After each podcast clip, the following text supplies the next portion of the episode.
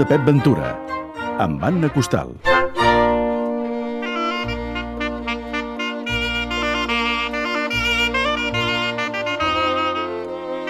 Anna, bon dia. Bon dia a tothom. Amb l'Anna Costal i Fornells cada mes fem una mirada al segle XIX de la mà d'un personatge important per la història de la música del nostre país, com va ser Pep Ventura, i avui ens centrem en el món de la copla i de quin tipus de música feia la copla. No només sardanes, oi? Bé, hem de pensar que la copla és una formació per tocar l'aire lliure, al carrer. I, per tant, en una població, per exemple, com Figueres, eh, no només es fan balls a l'aire lliure, sinó que també les coples acompanyaven les autoritats, per exemple, des del consistori fins a l'església.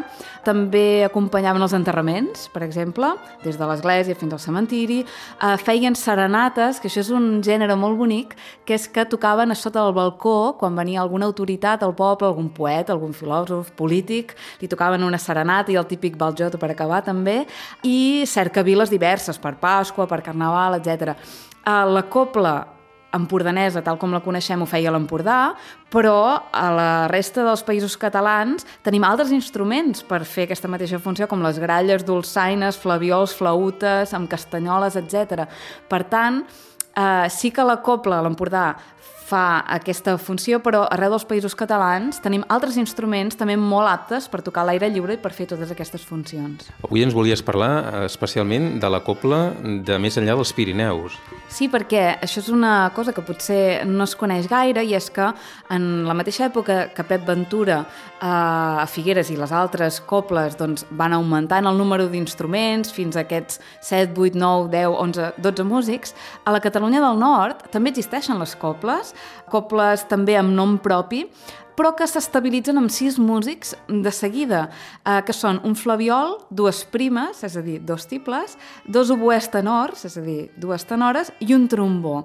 Als anys 70, ja en l'època que mor Pep Ventura, el cornetí substitueix el flaviol, però continuen sent sis músics fins a principis del segle XX. En fotografies encara veiem aquests sis músics doncs, tocant a Saret, a Perpinyà, etc. No?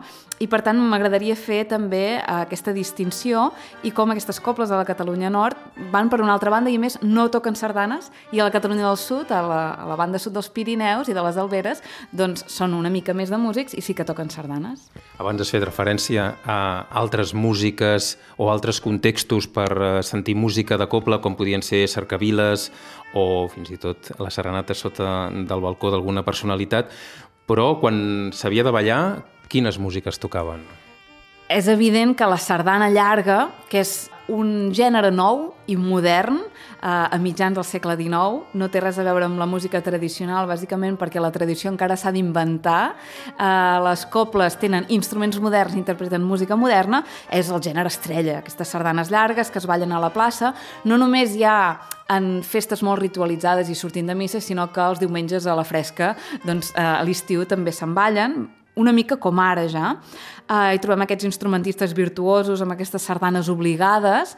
Sardana obligada és un concepte que encara utilitzem, que és una sardana uh, virtuosa per a un instrument solista, amb aquesta potència i energia que transmeten a les places, i a més a més les sardanes també comença uh, a ser un gènere en el qual músics i sardanistes es piquen, que diríem ara, una mica, i fins i tot Pep Ventura ja comença a compondre les conegudes sardanes revesses, en les quals els sardanistes han de treure els curts i els llargs i han d'acabar conjuntament amb la música, i per tant hi ha aquesta rivalitat o aquest joc. No? Per tant, les sardanes llargues podríem dir que sí, que és el gènere estrella de les cobles del segle XIX. Però les cobles no només eh, interpretaven sardanes llargues, i això és una cosa que eh, sorprèn bastant, i és que en el fons de Pep Ventura, que això no ho hem dit, però que es conserva a l'Orfeó Català, al Centre de Documentació de l'Orfeó Català al Palau de la Música eh, de Barcelona, eh, hi ha tot el fons de partitures, que és bàsicament d'on he tret tota la informació per construir tot aquest món al voltant de, de Pep Ventura del segle XIX, sorprèn perquè ja trobem alguns ballables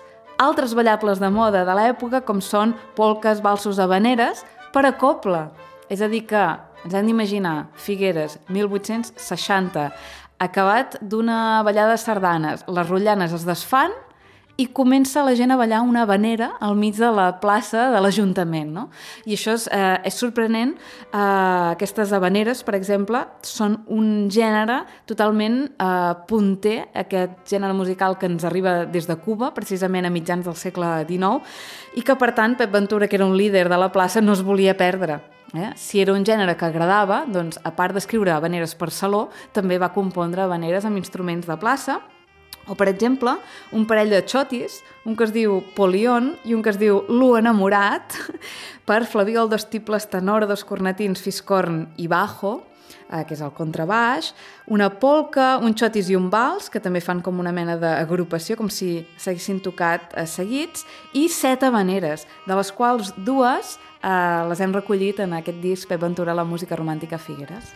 Un disc que recordo que està disponible per tothom perquè l'escoltin a través d'internet o fins i tot que se'l descarreguin amb el llibret i les partitures.